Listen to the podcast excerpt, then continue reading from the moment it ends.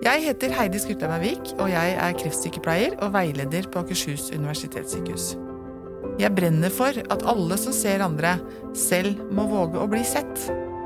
For menneskemøtene, de er spennende. Dette er Helhjerta. I dag har jeg altså en så innmari spennende gjest i, i studio. Er, eh, jeg var litt halvredd før eh, gjesten kom inn døra. For jeg har veldig respekt for denne damen.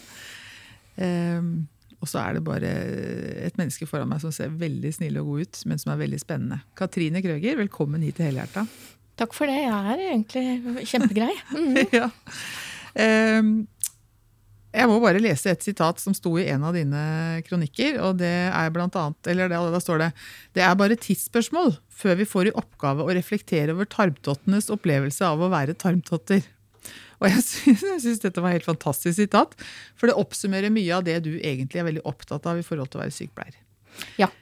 Det, det sitatet var jeg ganske fornøyd med. Det er en kronikk eh, skrevet i 2016. Mm. Da hadde jeg vært skal jeg si litt om meg ja, selv? Ja, kjør på. Eh, jeg er eh, utdannet idéhistoriker og jobber som bokanmelder eh, fra noen og nitti. Og skrevet hist og her, men hovedsakelig anmeldt bøker. Og, og, er sikkert litt sånn røff i, røff i kantene. Jeg kan være mm. sånn litt sånn slakter. Så da jeg ble rundt 50 år, så tenkte jeg, da tenkte jeg jeg må jeg kan, ikke, jeg kan ikke stå for Sankt Peter, og han spør hva du har gjort ut av livet ditt. Nei, jeg har kjeftet på forfattere. Jeg syns ikke det var viktig nok, rett og slett. Og så har jeg um, både mor og mormor og farmor som var Ulvasøstre. Så da bare søkte jeg på sykepleien, uten mm. å si noe til døtrene mine engang. Da du var 50 år? Da jeg var 50 år. Så søkte jeg, og så kom jeg inn, og så kom jeg inn på Oslo OsloMet, og så tenkte jeg ja, da tar jeg det ved siden av å anmelde. Liksom, jeg skulle ta det ved siden. Ja. Og så var det en plan egentlig at jeg må gjøre noe ordentlig viktig, og kanskje til og med komme meg til utlandet og være ja. Leger uten grenser og sånn? Ja, jeg, ja. Jeg søkte på sykepleien da jeg var 18 år, og så kom jeg inn og holdt på å begynne, og så tenkte jeg nei, da må jeg gjøre noe annet. Så begynte jeg på psykologi, og så skulle jeg ta matte for meg, bla, bla, bla. Så dette var sånn det hadde ligget og ulmet i meg i mange år. Men mm. i hvert fall så kom jeg inn, eh, og så had, har jeg en venninne som kjenner meg godt, så sa hun å stakkars, eh, stakkars Oslo Met, sa hun da. Så sa hun nei, jeg skal sitte i tre år helt stille på bakerste benk og bare gjøre jobben min og ta eksamen så jeg blir ferdig. Mm. Men så møtte jeg da et uh, fag som um, ja, var mm, verre enn eh, Eller som eh, Ja, hva skal jeg si? Etter et halvt år eh, så var jeg helt paff over hva sykepleieutdannelsen var. Um, det vi stort sett hadde gått gjennom da det første halvåret, det var kommunikasjon, og det var et fagspråk. Altså enhver alminnelig De var fryktelig opptatt av at vi skulle skrive fagspråk som var amerikaniserte rariteter. Mm. Eliminere, for eksempel, som jeg hang meg litt opp i istedenfor mm. å gå på do. Eh, og så ble det Og det var veldig mye misnøye på Oslo Met. Det var mye kaos der. Det var eh, eh, det de, det de, var mest opptatt av det første halvåret, husker jeg, det var at vi skulle lære oss eh, forskningsmetoder, at vi skulle lære ikke egentlig innholdet i de uendelige oppgavene vi fikk, men hvordan de skulle se ut, eh, mm. hvilken sånn form det var, og formatet var, og sånn. En sånn mm. helt absurd eh, fokus på at vi skulle bli forskere og ledere, og at sykepleie ikke var et profesjonsfag, men det var et, et akademisk fag. Eh, som gikk veldig mange hus forbi. Mange sluttet, spesielt kanskje de som var eh, fra andre land, som sikkert mm. hadde blitt veldig gode kliniske sykepleiere, men som ikke Fiksa det. Mm. Og så var det i Aftenposten en serie som sa at eh, nyutdannede sykepleiere de vet ikke engang hvordan de skal sette en sprøyte. Mm. Vi lærte ikke noe klinisk. Altså, Det mm. var jo en sånn litt sånn massiv en mm. serie om hvor akademisert dette profesjonsfaget hadde blitt. Og da skrev jeg sannelig en kronikk i Aftenposten som slo an. Hvor jeg var blant annet det der eh, sitatet ditt, da, med ja. de tarmtottene. For det var det at vi um, Én ting var det akademiske språket, men de var hele tiden opptatt av at vi hele tiden skulle reflektere og kjenne på og føle på og sånn, og det er ord som jeg blir helt jeg utstår ikke sånne ord egentlig, og det kan sikkert mange like og sånn. Bare hva ja, hva man føler på. Føler på er riktig. Ja, altså, Ja. Hvis, du, hvis du bare henger deg opp i sånne ord, så kan du legge merke til hvor mange hvor ofte de ordene blir brukt hele tiden, og så Mm. blir de bare floskler. Mm. Ehm, og det er fint å reflektere, men vi lærte jo overhodet ikke noe om hva vi skulle reflektere over. Det var dårlig anatomi, det var høy strykprosent, bla, bla, bla. Så jeg skrev den kronikken, som var forbausende vellykket. Eh, fra heldigvis, da, som var min lettelse, det var at mange drevne kliniske sykepleiere elsket det jeg skrev. Jeg skrev mer og mer, egentlig, og var i debatter og sånn. Mm. Mens eh, teoretikerne på Oslo Met ikke var fullt så glad, så tok jeg jo også anmeldte lærebøkene i sykepleie. Ja. Og der var jeg veldig ondskapsfull, det må jeg bare si. Altså, Jeg ble sykepleier for å bli snill, men jeg har aldri vært så slem i hele mitt liv. Det må jeg bare innrømme. Men, eh, men det får de tåle. Så jeg har fått mye sånn refs og rufs og sånn, og det må jeg også tåle, på en måte. Men det jeg vet, er at det har vært en eh, en veldig vellykket kritikk som liksom, det var akkurat som følte jeg av og til og Jeg har brukt det ordet før. var akkurat som å liksom ta lokket av en sånn trykkoker. Ja. for det var så mye misnøye Ja. blant kliniske sykepleiere over dette språket og akademiseringen av sykepleie.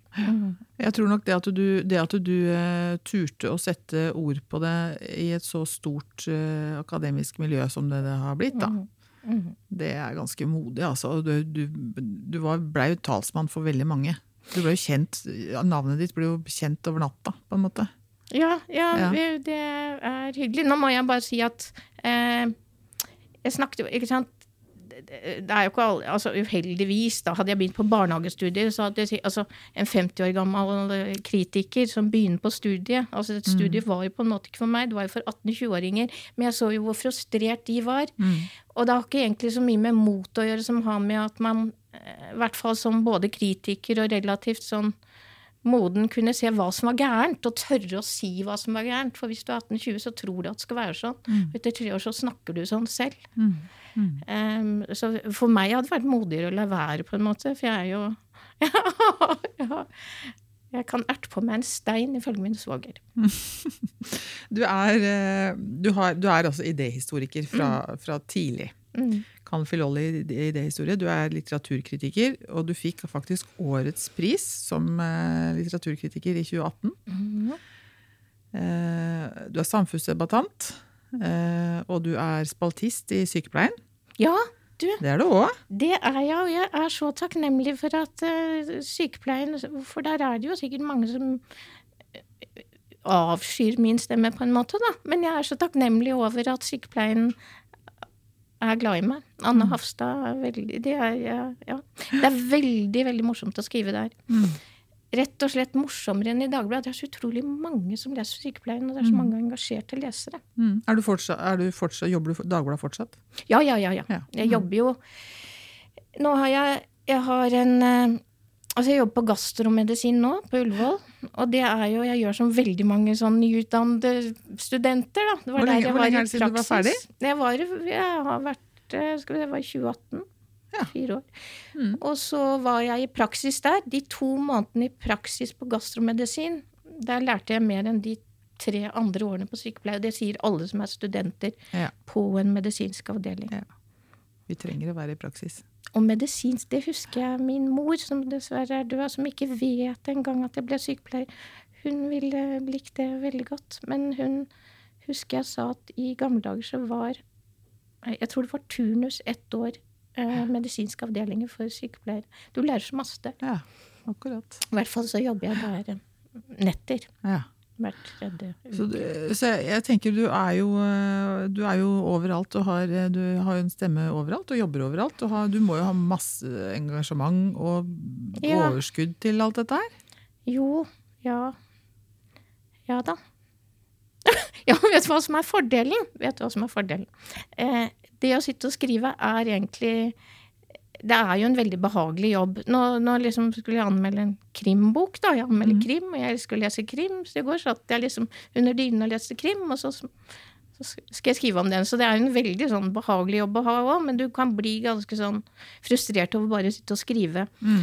og så har jeg den Ullevålsjobben, så, så det er det der fantastiske med at når jeg er lei av bare å sitte med dataen, så kan jeg gå på Ullevål og være veldig sånn Mm. Sosial og med Mm. mennesker, og være Og det må jeg si. At det er mest takknemlig over med å være sykepleier, det er Og da håper jeg alle skjønner hva jeg mener. Man blir så snill av å være snill. Mm. Og jeg vet man gjør så narr av disse varme hendene til sykepleiere, og at vi er greie og sånn, men det er noe med den sykepleierrollen som er utrolig takknemlig. Ja. Eh, og ikke det at pasientene skal gå rundt og være så takknemlige, men jeg, sånn å komme på nattevakt og gå inn og hilse på alle pasientene og vite at de Altså, det er så, det er så lett å gjøre det skal så lite til for at mennesker blir takknemlige, eller Mm. Det er så lett å være blid, og det er så lett å være hjelpsom, og det er eh, Jeg syns det er en utrolig takknemlig jobb. Og det tror jeg kan si også fordi jeg på en måte kan velge hvor mange jobber jeg skal ha. For at de som jobber 100% og blir lei, har sikkert altså, Mm. mange ting å si om det. Ja. Så jeg sier ikke at alle sykepleiere sikkert har det sånn hver dag. Men jeg tror nok det er, du har veldig rett i det der med at vi er eh, at snill avler snill, snillhet avler, avler snillhet. Det er jo sånn det er. Og så er det jo noe som er ganske fantastisk med den sykepleierrollen. Jeg tenkte på det en gang. Da fikk vi inn en pasient. Jeg får omgjøre vedkommende litt, men det var en banditt. Jeg tror han var morder. Han hadde tre Mm. politimenn Uh, utenfor. Og så kjempeskummel ut. Hadde jeg møtt ham på gata, så hadde jeg blitt livredd. Mm. Men han måtte inn til oss.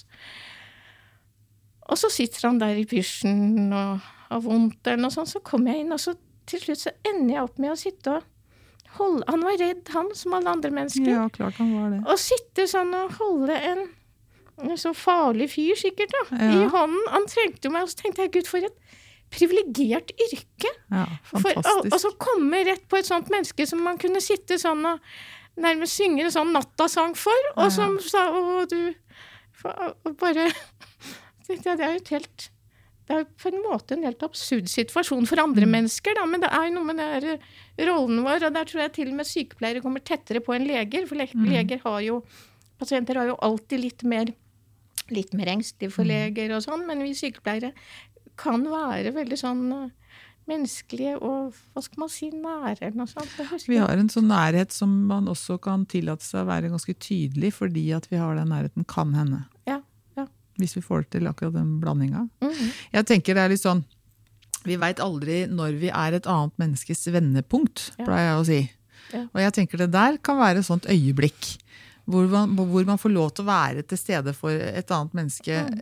en liten stund. Mm. En liten bit av dem sitt liv, men kanskje det er noe som han kan huske Ja. i det tøffe livet han har levd og sitter på en celle og tenker over. da. Mm. Så har han allikevel opplevd det øyeblikket med deg. Det betydde nok sikkert like mye for han som for deg. Ja, gud, nå du? vet om han husket så godt etterpå, men der og da var det veldig Det var bare Nei, nei, da var jeg så takknemlig over det. Det er en av Mm. grunnene til at jeg tenker at vi vi må ha de uniformene våre òg, da. Jeg tror det Ja, hvite ja. gjør noe med oss. Vi Ja. kan ikke gå rundt og være altfor alminnelige. Jeg er ikke så glad i å si som fornavn til pasienter heller, jeg. Nei. Sier du etternavn på alle?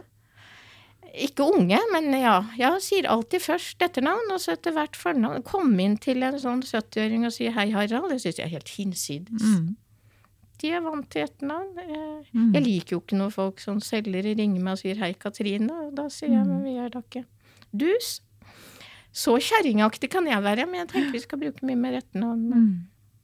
Man blir ikke, det er ikke noe nærhet i å si fornavn, for det gjør jo selgere. Mm. Ja. Du kan, skjønner du? ja. Ja. Invader, da blir det invaderende. Hvis du Det bruker det mange er ganger i tillegg. Da, så, invaderende, ja. apropos bruke, bruke ord mange ganger. Ja. Eh, du er jo veldig sånn eh, frittalende. Eh, og det er jo det vi annet har deg inne her for, fordi vi syns det er veldig befriende. faktisk. Eh, du har jo eh, skrevet om Etter pandemien, så har du skrevet, eller under pandemien, så skrev du en eh, Det var vel også en kronikk om sykepleiernes elendighetsfokus og selvforherligelse. Ja. Eh, og det er jo litt som å banne i kirka, at, eh, at du alt det du skrev der. Fortell litt om hva du skrev, og hvorfor du skrev noe om det. Det var faktisk etter pandemien. Jeg tror det var, det var vel nyttår i fjor. I hvert fall så hadde det da nesten vært Ja, når pandemien brøt ut, så ble vi sykepleiere helter. Og Mm. det var fint at vi ble. Sikkert det var mye styr rundt det. Men pandemien ble jo Jeg har jo skrevet en del under pandemien nå, at det, det ble jo ikke det kaoset vi så for oss. Vi var liksom forberedt på italienske tilstander med Ja. Eh, så det ble jo veldig mye fokus på å klappe for sykepleiere, og at vi ble noen slags blanding av helter og ofre. Eh, og at allerede etter noen måneder så begynte liksom man å tenke nå nå er tiden inne for at vi må ha lønn. Bedre lønn. Ja. Og det skal ikke jeg blande meg inn i. Jeg, ikke, altså, jeg, synes, jeg kommer fra kulturlivet hvor det er dårlig betalte og høyt utdannede folk, så, så, men, men er helt fint for høyere lønn. Men i hvert fall, gjennom de to årene så ble det en sånn det jeg kaller en sånn, eh, en sånn veldig sånn opplagt egenfortelling da, blant alle sykepleiere at vi var utslitt, eh, og at eh, vi nærmest krabbet rundt på avdelingene, og eh, flere og flere sånne jeg-fortellinger, og mer og mer at man gråt på jobb. Og mange som gråt. Sykepleien flommet over av elendighetsbeskrivelser fra den og den avdelingen og ditt og datt. Og jeg vet jo også at under pandemien, for da jobbet jeg på gastromedisin på Ullevål mm. vi, var en, eh, vi var en sånn kohort, altså en sånn Vi Ja. har mange enerom, så vi Ja. skulle bli Men den avdelingen ved siden av oss var en koronaavdeling. Ja. Og der var det jo ofte syv sykepleiere på jobb og tre pasienter. Altså de koronaavdelingene, for der kom jo til slutt ingen pasienter, for det ble jo ikke heldigvis så mange Nei. som man skulle hatt. Så vi var liksom overbemannet og under ø, ø, Altså med for få pasienter. Og jeg husker jeg snakket med hun Lill Seiseth, og så sa jeg men noen av de fortellingene må da komme frem. Hører ikke du om det her? For egentlig er jo dette helt ganske absurd. Og er, mye av de der verste pandemibølgene, så er vi jo altfor mange på jobb, og det kommer jo ikke noen pasienter. Men det ble liksom ikke sagt. Og jeg er ikke noe glad Jeg tror ikke det, er, jeg tror ikke det lønner seg at ikke alt sies. Mm. Jeg tror det er farlig at man bare har ett fokus. Ja. Eh, altså, helsevesenet kan telle, Helsedirektoratet kan telle. De kan faktisk sikkert også telle at ja, men hør her, der var det jo syv sykepleiere og tre pasienter. Altså, Ja. ikke sant? Det er ikke nødvendig. Man kan ikke, man kan ikke bare massivt eh, eh, Trekke fram det ene. ta den ene narrativet. Og så var det en eh, Paula Lykke, som hadde en intensivsykepleier, som hadde et sånt innlegg, da. En jeg-innlegg om at hun gråt og at hun eh, var forstoppet og ditt og datt. Og da tok jeg den teksten og anmeldte det som det var en tekst, sånn som jeg ville gjort med andre tekster. Det var en jeg-tekst. Um, Hvordan ble responsen? Responsen ble jo blanding av sånn som det alltid blir på meg. Det ble at veldig mange var eh, veldig glad for det jeg skrev. Mm. Og så var det jo veldig mange som syntes jeg var veldig slem mot denne personen som hadde skrevet denne jeg-teksten. Var For det er ikke noe tvil om at noen sykepleiere på intensivavdelingen Ja. her for eksempel, de hadde det beintøft. Men det var jo kanskje ikke sånn det var overalt. Vet du hva, det er ikke tvil Og Ahus var jo Altså, Mm. selvfølgelig! Selvfølgelig. Altså, Ahus var jo beintøft, og vi hadde, Mm. vi hadde perioder som var beintøffe. Hos oss er det egentlig perioder Influensaperioden er mye tøffere for oss, da. Mm. Det er jo, er jo sånn man beskriver. Men det jeg skulle si, men det, det var at, det, at jeg liksom grep litt fatt i denne jeg-teksten. Men, men hun som da skrev, hadde jo ikke jobbet på intensivet. Hun, det var fem år siden hun hadde jobbet aktivt, så dette var liksom eh, Hun hadde vært for hun var da høyskolelærer eller noe sånt. Så hun, ja. hennes fortelling var på en måte et sånt konglomerat av jeg-fortellinger. Sikkert liksom. på vegne av må det jo også ha vært, for, Mm. i og med at det var så mange år siden hun hadde jobbet. Så jeg, jeg, jeg, jeg brukte teksten hennes fordi det var en tekst, eh, som eksempel på at, eh, at dette er eh, ja, Hadde det vært en bok, hadde vært en vanlig tekst, så skrev jeg at jeg ville sagt noe selvmedlidende selvmedliden og sytende og, og sånn. Så da fikk jeg på pukkelen, og det, jeg, det tåler jeg godt. Det hadde jeg bare fortjent. Men det var, det var mye, det er mye rart i Ja, for jeg, tenker det er bare sånn, vi skal, vi skal snakke om flere av de tingene du, er veldig, du har vært ganske tydelig og klar på. Men jeg, jeg syns det er ganske interessant at du, du, blir, ikke- du kan jo ikke være skuggredd. For du, du tåler å stå i den stormen når du er Du er jo vant til å være kritiker og, og, og har jobbet som det i veldig, veldig mange år. Mm.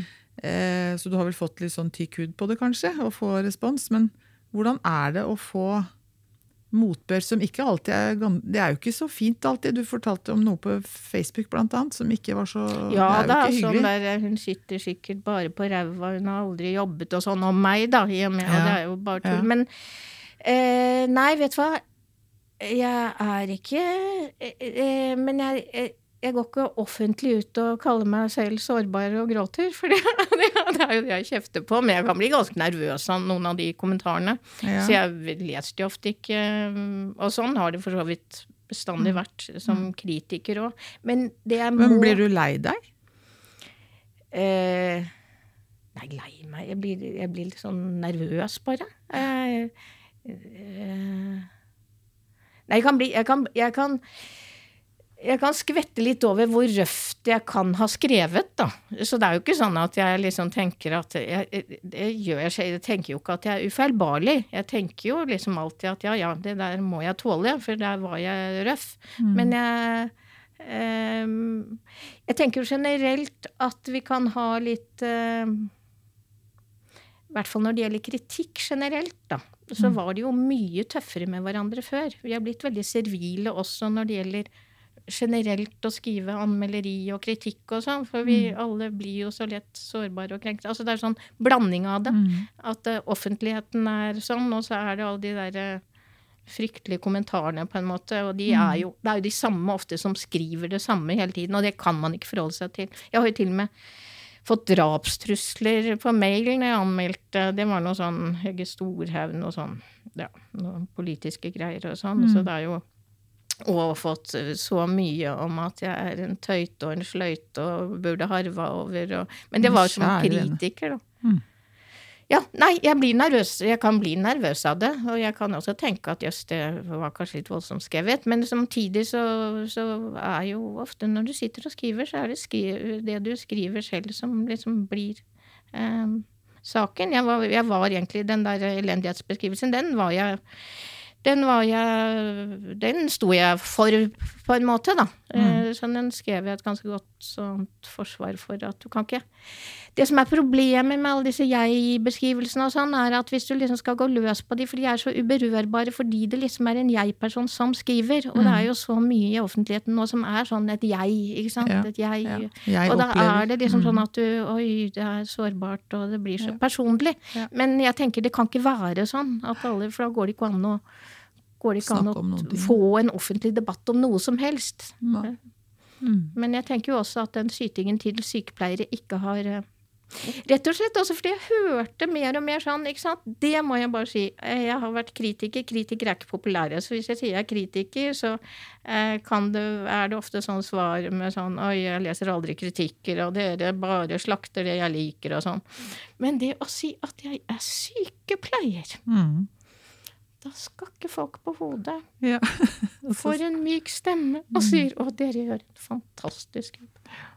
Og jeg hadde sikkert vært lei av det hvis det var det eneste jeg var, Mm. men det er ganske hyggelig å si at sykepleier når man, man har eh, Det må jo være det yrket i verden som har høyest troverdighet, på en måte. For ikke er vi høye på pæra, sånn som leger kan få kjeft for. Vi er liksom bare Vi er bare snille. ja, Vi er jo ikke bare snille. På ingen måte. På ingen Men måte. Det er ganske et- tydeligere, yrke med- tydelige Ja.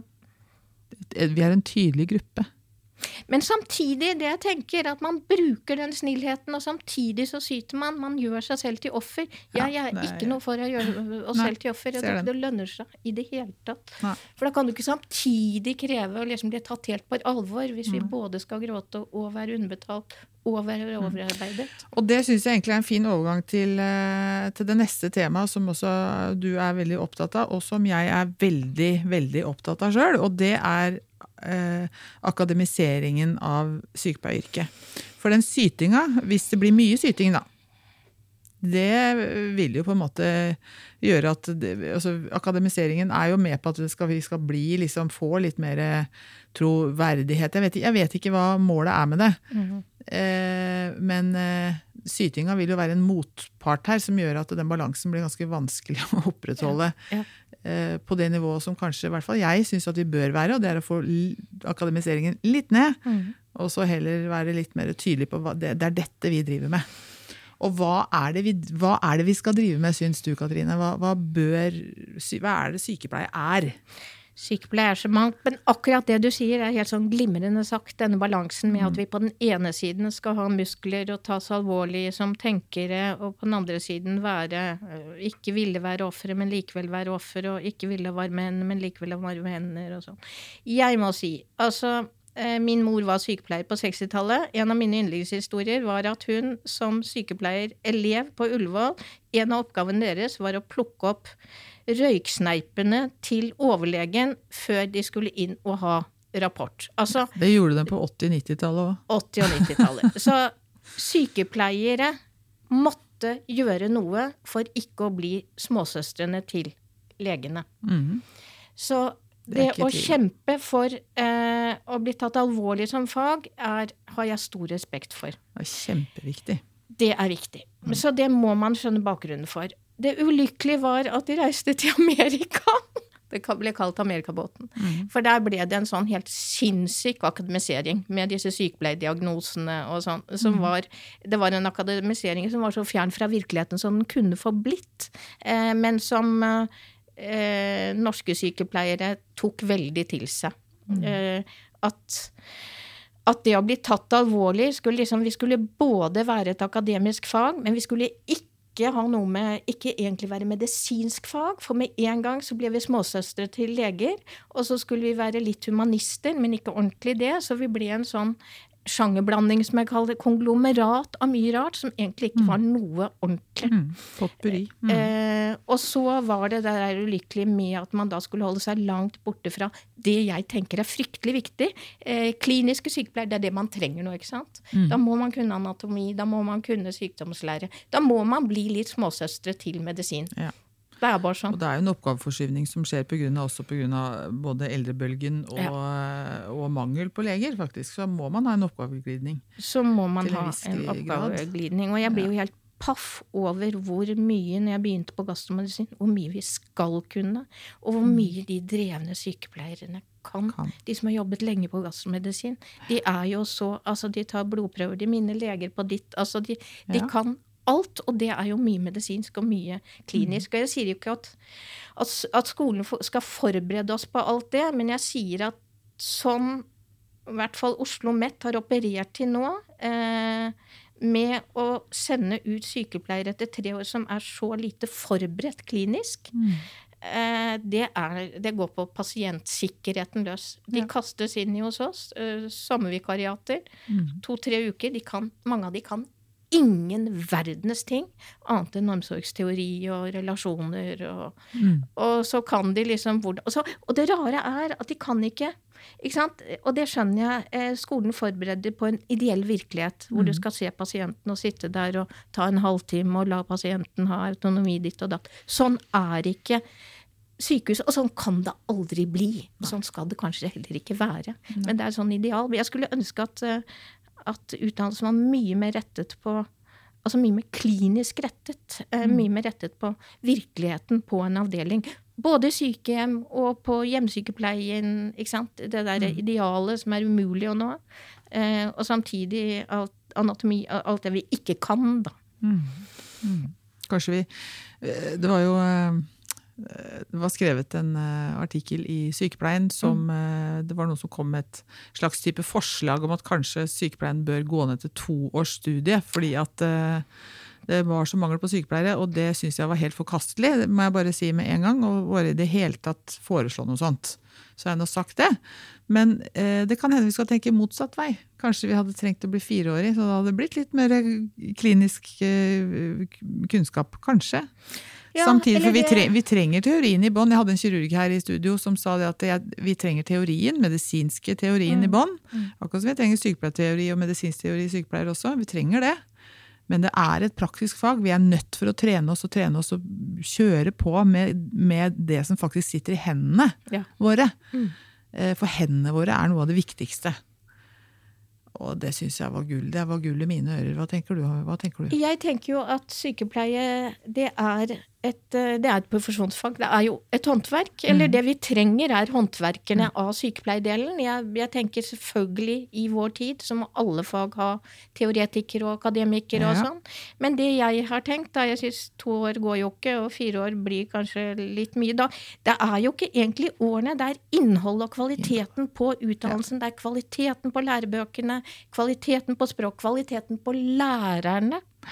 Og det som har vært litt ulykkelig med sykepleien, det er jo at lærerne i forhold til medisin, der hvor det er eh, med det, de lærerne der, de jobber halvt i klinikken og halvt som lærere. På høyskoler så blir du fulltidsansatt som høyskolelektor på sykepleie. Gammeldags høyskole, men også nå. Da jobber du 100 og da kan du være 30 år siden du har vært jobbet klinisk. Eh, så da blir det jo sånn pukke på ja, denne knipsingen på disse boblene på antibiotikaslangen som Ja, for lengst er er liksom bort Som man ikke trenger å gjøre, eller å Ja. Ja. ja. Men i hvert fall så, så tenker jeg at det er kvaliteten det dreier seg om, men ikke årene. Og så tenker jeg også For jeg så jo den debatten, ikke sant. Hun på to år som Ja, helt ærlig, var fint. Og så kommer en annen, selvfølgelig, fra, som er forsker. Da mener vi må ha fire år med forskning. Forskning, forskning. Men hva er forskning? Forskning viser Altså, forskning det er jo også ikke bare sykepleie, men generelt et problem at det er forskning avler forskning. Eh, blant annet av han eh, Hessen, en sånn biolog, skrevet fantastisk godt om disse tellekantene og alle disse uendelige ordene og, og de uendelige millioner av sider med forskning som eneste de konkluderer med, er at de sitter og polemiserer mot seg selv og, og, og konkluderer med at forskning viser Og det er ikke bare sykepleiefaget, men det er generelt, da. Men jeg tenker jo at, at det er et problem. At, eh, at forskning i seg selv eh, ikke nødvendig, At forskning bare avler nye ord og teorier. Så jeg så at hun eh, ene som ville ha fire år, mente at forskningen var viktig. Ja vel, men hva slags? Og hvor nær skal den være? Jeg tenker at eh, mye forskning er sånn at det tres nedover klinikken. At de har så lite kontakt med gulvet, da, som vi jobber på. Mm. Kjempeviktig. Se på, eh, på disse universitetene nå som eh, sykepleierne tar utdannelsen sin, så, så bør man helst, for å bli ansatt der, så skal man helst ha doktorgrad Ja. eh, for å være lærer i et så praktisk yrke som vi har. Eh, hva tenker du om det? Ja, nei, de må jo det, siden de har liksom endelig blitt uh, universitet, da. Så det er jo den Ja, strukturen men er, på det sånn, det. er det sånn på universitetene at man må være ha, Du må jo ha, en doktorgrad, for å nå. Altså, det er jo det er, jo, det er jo generelt, altså til og med idéhistorie, i gamle dager, så kunne du ha et hovedfag og så bli ansatt, men nå er jo alle har jo mastere, eh, så du Mm. må jo for så vidt ta en doktorgrad. Og det er mye lettere å ta en doktorgrad nå enn det var i gamle dager, da. Mm, Mm. Fordi du, du kan jo bare kurse deg til det. Men, men jeg, eh, igjen, altså, det er jo de menneskene bak som jobber der. Det kan være fantastiske doktorander, og det kan være teoretikere som har en master som er helt umulige. Så det er jo, husker en på Ullevål sa, det er jo ikke hodene man må telle, det er hjernene, på måte. Ikke sant? Og så har jo med lærekrefter å gjøre. Men jeg, man, man blir ikke noe bedre lærer av å ha en doktorgrad.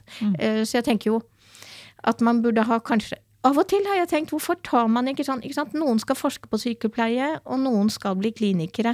At de to første årene bør være veldig sånn at man slipper all det her forskningsrettede. At du lærer anatomi, fysiologi, alt det, alt det vi skal kunne, må kunne, for å bli gode klinikere.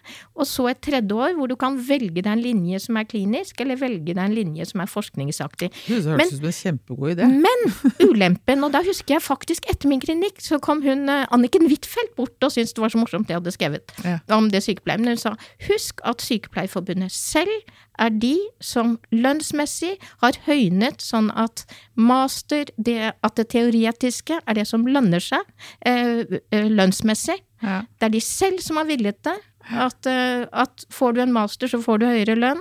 Det er deres, og det er jo fordi de vil ha mer akademisering og Mm. liksom at det skal vises muskler. Mens, mens jeg tenker at hvis du liksom For da sier man liksom at da blir kliniske sykepleiere ikke så fine. Hvem sier det? Det er sykepleierne selv da som sier det. Ikke sant? Det har jo bare med lønnsvilkår Ja, å gjøre. eller er, det de som, eller er det de som sitter og bestemmer, som ikke er sykepleiere selv, men som har administrative øh, stillinger, som sitter og bestemmer dette her? Ja, men jeg, altså jeg har kommet mer og mer til at veldig mye av det som har skjedd i sykepleien, er jo Sykepleierforbundet er, det er sterke damer, eh, så de har nok selv vært gode på lobbyisme. Altså det har jo ikke nødvendigvis blitt tredd ovenifra, da. Veldig mange av de som har kommet høyt Du må huske at veldig mange høyt opp i posisjoner i helsevesen og politikk er sykepleiere i bunn, og har også en bakgrunn fra Sykepleierforbundet. Og ære være de for kampen, men de har jo også noe av ansvaret for at klinikken og kliniske sykepleiere er blitt så nedgradert. Da. Praktisk arbeid, det er ikke bare det. Snekker, altså alle sånne profesjonsfag har jo blitt nedgradert. Og det er jo ikke bare sykepleiere, det er jo, det er jo denne reformen og Ja, så det er, ikke noe tvil, det er ikke noe tvil om at vi er nødt for å holde, holde oss oppe akademisk. Vi er nødt for å, å ha forskning, det, vi må ha det. Men vi må aldri glemme både hendene og hjertet. Altså, det tenker jeg, Vi må ikke slutte med det. Nei. For da mister vi noe av det som er essensen i det vi faktisk skal utdanne oss til. Og så er det jo noe sånn, jeg husker når jeg gikk på skolen der også, og da var det en sånn veldig ivrig lærer. Husk, dere skal bli forskere, husk, dere skal bli ledere, istedenfor å si husk, dere Vel, alle de jeg gikk med, glede seg til å jobbe på klinisk på, på et sykehus. Eh, men det var liksom bare den derre Ja, den profesjonskampen og det der at vi skal opp og vise at sykepleiere også kan være en del av ledelsen. Jeg skjønner den, men den har vært veldig, veldig ulykkelig for det yrket, da. Eh, det er jo andre ting som opptar deg også. Du, du har jo snakka en god del om eh, det, den tida vi bruker på å dokumentere. Og hva vi dokumenterer. Det kan du jo kanskje også si litt om. Eh, Jeg skrev faktisk bacheloren min om det, fordi det er jo ikke tvil om at vi bruker altfor mye tid på datamaskinen på meningsløs dokumentasjon. Og også på ikke sant? No, Vi må dokumentere. Men igjen er det jo sånn at dette språket vårt, sykepleierspråket Jeg skjønner at det skal være ikke sant? I gamle dager så var det et slags sånn, sånne notat. Jeg husker jeg jobbet jo som eh, nattvakt på Tåsen sykehjem, da jeg studerte dette andre her. Og da husker jeg vi hadde denne notatblokka vår, som jeg var veldig glad i. Banaliteter. Mye av det sykepleierne skal skrive, er også banaliteter. På Ullevål nå så er det, skal vi tres nedover disse behandlingsplanene, som er helt, et helt umulig standardisert system, hvor du kanskje må bruke ti minutter på å finne en slags sykepleierdiagnose for at pasienten kanskje har mulighet for å sette en eplebit i halsen. Mm. Eh, eller noe sånt. Mm. Eh, banalitet som Eller at eh, pasienten har spist er glad i grøt. Eller ikke glad i grøt, spis grøten sin. Veldig mye av sykepleierdokumentasjonen er jo ganske banal. Mm. Eh, og problemet til og med med sykepleiernotatene, som har vært et problem, det er at vi skriver jo notater etter hver vakt, og det trenger vi ikke. Og det prøver vi å si til de unge studentene. Dere trenger ikke skrive at pasienten har spist middag. Altså, vi kan ikke holde på med de sykepleiernotatene. For hvis du går inn og ser på, på DIPS, på et, så, så er det liksom ti sykepleiernotater, ett legejournalnotat, og og så drukner viktig informasjon i våre banaliteter. Men banalitetene våre må vi skrive, fordi vi ofte eh, må gi beskjed til neste vakt. Ellers så er det jo veldig mange av de unge som har fått beskjed på skolen at det er så viktig å dokumentere. Hva man dokumenterer kan jo være Altså man skriver jo altfor langt og altfor mye, mye. og bruker altfor mye tid.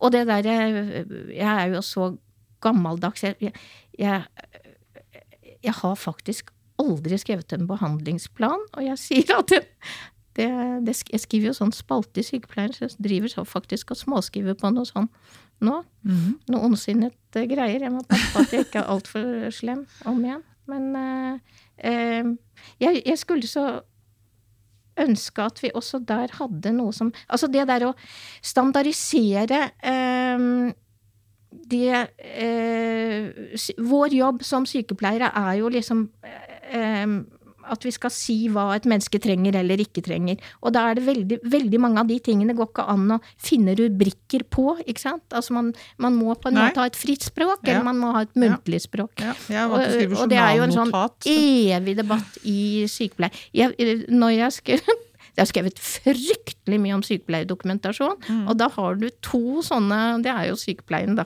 Du har jo to sånne eh, eh, Du har to retninger som Mm. hamret mot hverandre i 40 år. Ja. Det er omsorgs- og Kari Martinsen-retningen, som Ja. er sånn kvalitativ.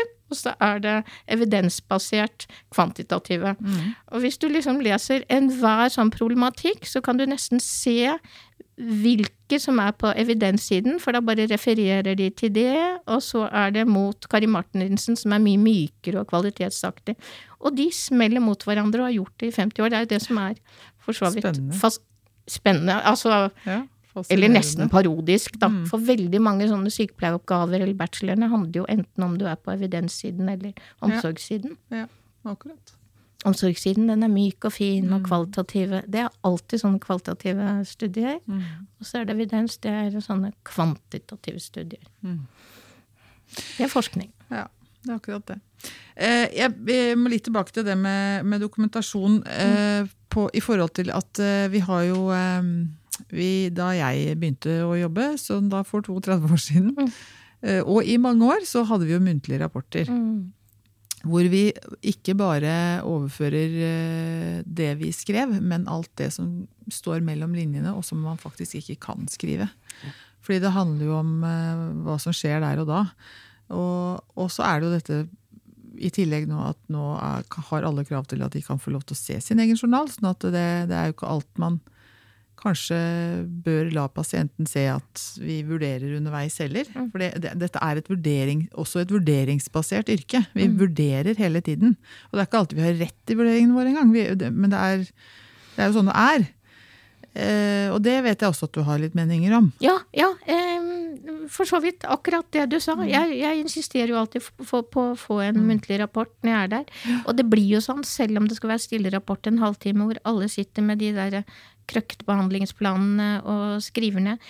Eh, problemet, spesielt for sykepleiere, er jo at det er ting ved pasienter som kan være fryktelig viktig, men som ikke nødvendigvis en pasient skal få innsikt i at vi tenker er det noe gærent her, der er det noe, er det noe med Eller eh, det kan være egentlig hva som helst. At eh, et barn det er kan virke truende. Ja. Ikke sant? Det kan være sånne ting som er uhyggelig viktige, Ja.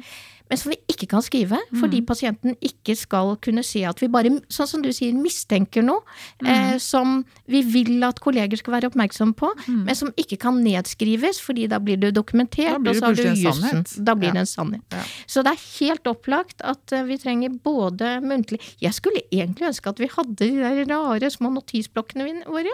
Hvor vi hadde de der hvor vi kunne skrive alle de tankene vi hadde, eller Ja. småting og banaliteter eh, som ikke nødvendigvis eh, pasientene hadde innsikt i. Og så tenker jeg, skal egentlig Altså, våre vurderinger skal en pasient alltid Det er et problem, det er et juridisk problem at alt vi skriver, mm, ikke kan ikke nødvendigvis skal ses av pasienten, og da går mye viktig tapt. Veldig. Og jeg merker jo ofte at jeg kan liksom ha sagt noe en fredag, og så er det noe som ikke kan skrives, og på søndag, mandag når jeg går av, så er det fremdeles ikke blitt gjort fordi vi tør ikke skrive det ned. Eller fordi det må muntliggjøres. Ellers så har det gått tapt for at det har vært så mange notater imellom. Ja. Som du sa i stad. Mhm. Katrine, dette, vi kunne jo snakka om dette veldig lenge, men, eh, men vi har nå den tiden vi har. Og vi, det er noe vi må snakke litt om. fordi du har jo du skrev Før du ble sykepleier, så skrev du eh, en liten bok som, eh, i 95 som heter 'Retten til å dø i fred'. Mm. Eh, hvor du løfter fram Rett og slett retten til å få dø i fred. fortell, Død og verdighet, fortell død og verdighet, ja. Og, si, si litt om hva tenker du om det nå? Altså, Én ting er hva du skrev i 95, før Mm. du ble sykepleier. Nå har du gått en utdannelse, blitt sykepleier, er fortsatt kritiker. Mm. Eh, fortell. Du, Retten til å dø i fred. Da hadde jeg jobbet på Tåsen sykehjem i ti år. Den er veldig veslevoksen skrevet, så jeg ville jo slaktet den selv nå, selve språket. Så jeg rødmer jo bare jeg kikker i den. Men innholdet er ganske interessant. Eh, da begynte de med disse Jeg jobbet jo på Tåsen sykehjem. Og jeg tror det er helt gamlehjem på den tiden. Men allerede da begynte de å skulle omgjøre språket, ikke sant. Det het Kvileheim, het jeg bodde i Nissedal en periode. Det het vakre ord som betydde det det betød. Men da begynte man å skulle ha bo- og behandlingssenter. Pasienter skulle ikke lenger hete pasienter, de skulle hete brukere. Altså, du gjorde om språket. Fordi eh, ja, Det var det der krenkelsesgreiene begynte. ikke sant? Bare det å si at et menneske er gammel, kunne være krenkende. Men samtidig så er jo det å være gammel en realitet.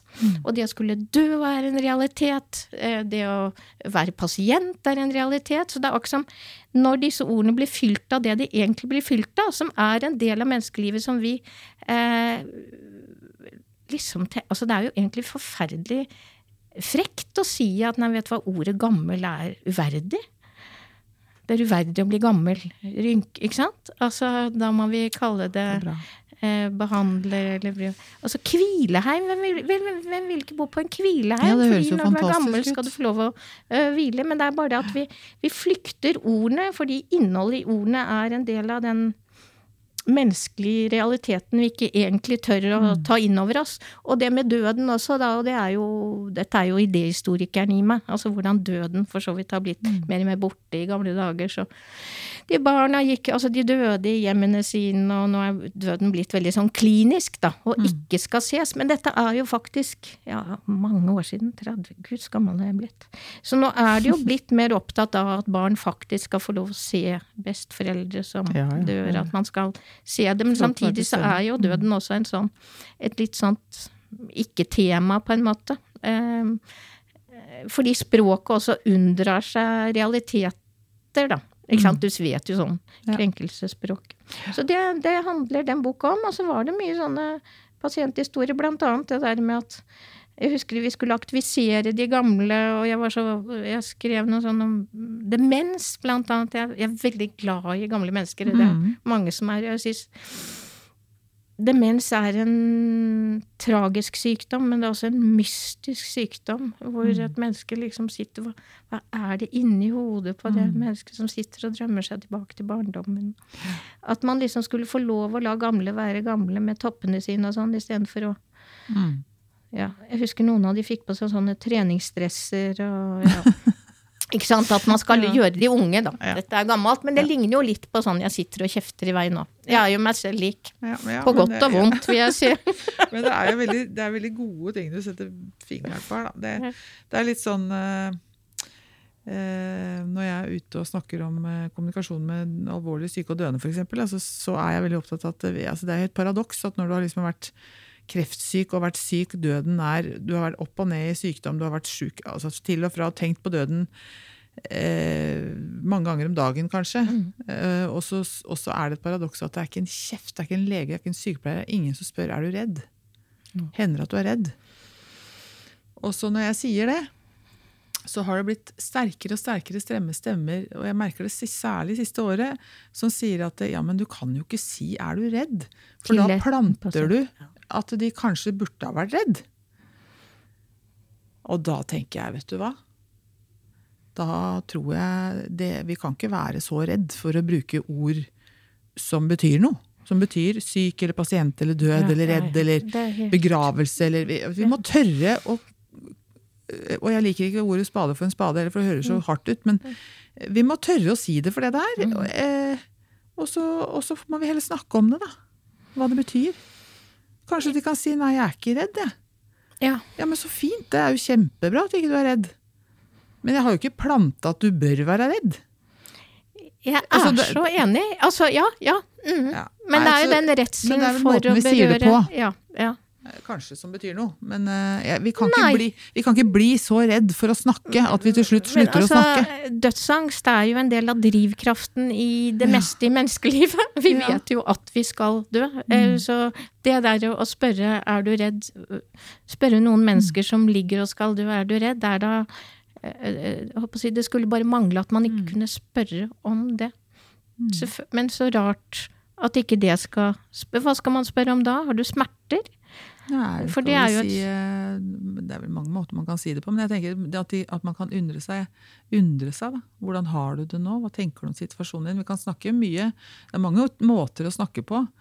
eh, Men jeg tror at av og til, så, eller jeg vet at av og til så syns man at det er ganske godt at det er noen som kan sette seg ned og være trygg å si 'er du redd for å Ja. At jeg tåler at du er redd. er jeg redd for det. Eller at jeg, Jeg tror- tåler ordene dine. Jeg tåler at du sier nei. Eller jeg tåler, si, jeg tåler at du sier vet du, det vil jeg ikke snakke om. Jeg tror det handler om vi må tåle. Ja. Sykepleierne må tåle. Legene må tåle. Og det er jo Vi har jo også mennesker som Vi vi er jo også pasient med med en avdeling med mye kreft, så vi har jo mennesker som dør hos oss. Og det er jo Jeg tror jo at mennesker som eh, Hos oss får de jo ofte veldig alvorlige diagnoser, bukspytt og sånn, som er helt Du kan få det fra dag én til en annen. og og vite at du har tre uker igjen å leve. Men man må jo alltid selvfølgelig se pasienten an. Men veldig mange er jo veldig glad for at man faktisk snakker om det. Om det? Men du skal være ganske voksen, da. Det tenker jo jeg er forskjell på Det må jeg si. At jeg er 57 eh, og har et språk for å snakke med mennesker på min egen alder. Altså, Ja. som er eh, å, være 20. For hva skal en Hvis du er nyutdannet sykepleier og skal si er du redd, ja, og hva skal en, hva skal en 21-åring svare på det? Jeg tenker jo at det er ganske vanskelig å være Da kan den ene kjøringen sette seg ned og prøve å være rolig og si 'få høre', ja. tenker jeg.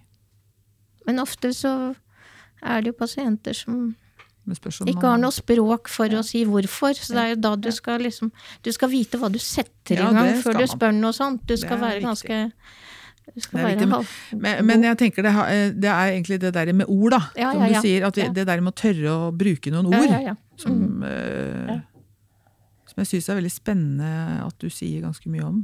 Jeg er jo ikke, jeg, er så streng at jeg ikke er så glad i ordet sårbar heller. For det blir brukt Ja. hele tiden. Men så tenker jeg hva annet skal man bruke om det? For det blir jo også sånn å flykte ord. Men altså Sårbar. Mm. Det er jo det samme som med dette ordet å bli krenka, som er liksom brukt opp. Mm. Alle er så krenka hele tiden. Ja. og Vi blir krenka for det minste. Men når jeg skal snakke om det å kjenne på sårbarhet, for jeg snakker jo mye om sårbarhet, men, øh, men når man skal kjenne på det, så er det litt sånn diffus følelse. Hva er nå det, egentlig? Det er jo bare å være irritert og, og sinna og alle mulige følelser. Mm. Men blant annet den der følelsen av å være krenka, den, den er ganske li, den er jo lik. Ja. Ja da. Så det, men, så det er liksom noe med å, vet ikke, dele opp det ordet litt, da.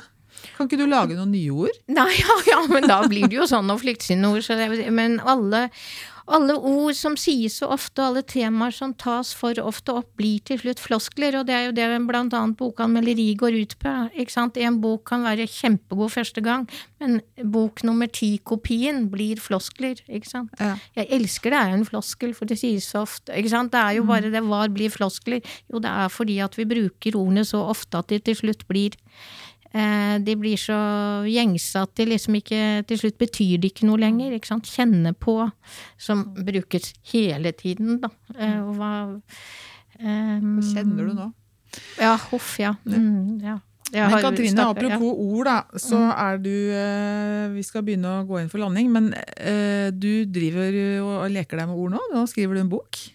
Ja, eller jeg, jeg, du, ja, ja, altså jeg holder på med et manus. Så jeg er småskriver på et manus som faktisk er noe sånn eh, som jeg har fått eh, Jeg har fått stipend for det, så da må jeg det er som å, Dessverre som å få betaling for ja, ja, Som er litt sånn, veldig sånn klinisk om hvordan snakke med pasienter. Og jeg som har slakta så mye rart, jeg er jo livredd hvis den noen gang blir ferdig. Så jeg er veldig Ja, ja jeg småskriver på et manus. Ja, Mhm, I all beskjedenhet. Det er i hvert fall spennende. Det er jo Ja da, du, det det er- jobber det er med. Det er jo- kjempespennende. Det er jo høy Høy fallterskel for en så kjeftende øh, Ja. Man får sette noen sånne Hva slags bok blir det da? Blir det en akademisk bok? Nei, Eller nei, blir nei, det en nei, praktisk nei, nei, nei, nei, dette blir veldig, veldig praksisnært. Klinisk, Altså, ja. du, jeg unngår alle fagord, jeg prøver å unngå så mange referanser jeg kan, men man må jo ha noen. Altså, jeg prøver Mm. å skrive det veldig sånn eh, praksisnært og, Mm. og, og tett på, måte. Veldig sånn fortellende, da. Ja. Eh, og brukbart. Brukbart. Altså, Ja. i den forstand at Lett studenter kan Kan bruke det. bruke det. Lykke til med det. Takk Det for det. Det er jo kjempespennende. Du, eh, vi har eh, denne siste posten vi på, på podkasten som eh, handler om eh, at eh, hvis du skulle gitt deg sjøl et råd tilbake til da du var 18 år, eller et lite tips, hva hadde Katrine Krøger eh, hatt behov for å høre, tror du? Tenker? Det går bra til slutt, kan man si. Jeg har gjort så mye dumt, så det var veldig mye eh, råd jeg kunne ha gitt meg konkret. Men eh, jeg, eh, når jeg var 18, så tror jeg jeg ville trengt noen som klappet meg på skulderen og sa det går bra til slutt. Jeg hadde en hva, var det, hva er det hun Mette-Marit har sagt om sin eh, ungdom? At den var utagerende? Ja, jeg hadde en litt utagerende ungdom. Ja. Kort og godt. Kort og godt. Og her sitter du, Det går bra 47 til slutt. 57 år og har det bra. Så bra. Katrine Krøger, du er, eh, du er som en sånn eh, Hva heter det? Sånn fyrverkeri her du sitter. Ja. Veldig morsomt. Du kunne sikkert snakka med deg fire timer til. Masse lykke til, både som sykepleier og som kritiker og eh, forfatter. Ja, ja, eller småskriver. Småskriver. Mm, Ja. mm. Og tusen, ja, men da må jeg si at det var utrolig hyggelig samtale, da. Ja. Og at du er en helt uh, formidabel samtalepartner, intervjuer. Det må jeg si. Tusen takk for det, og tusen takk for at du kom hit i Helhjertet. Det var veldig hyggelig.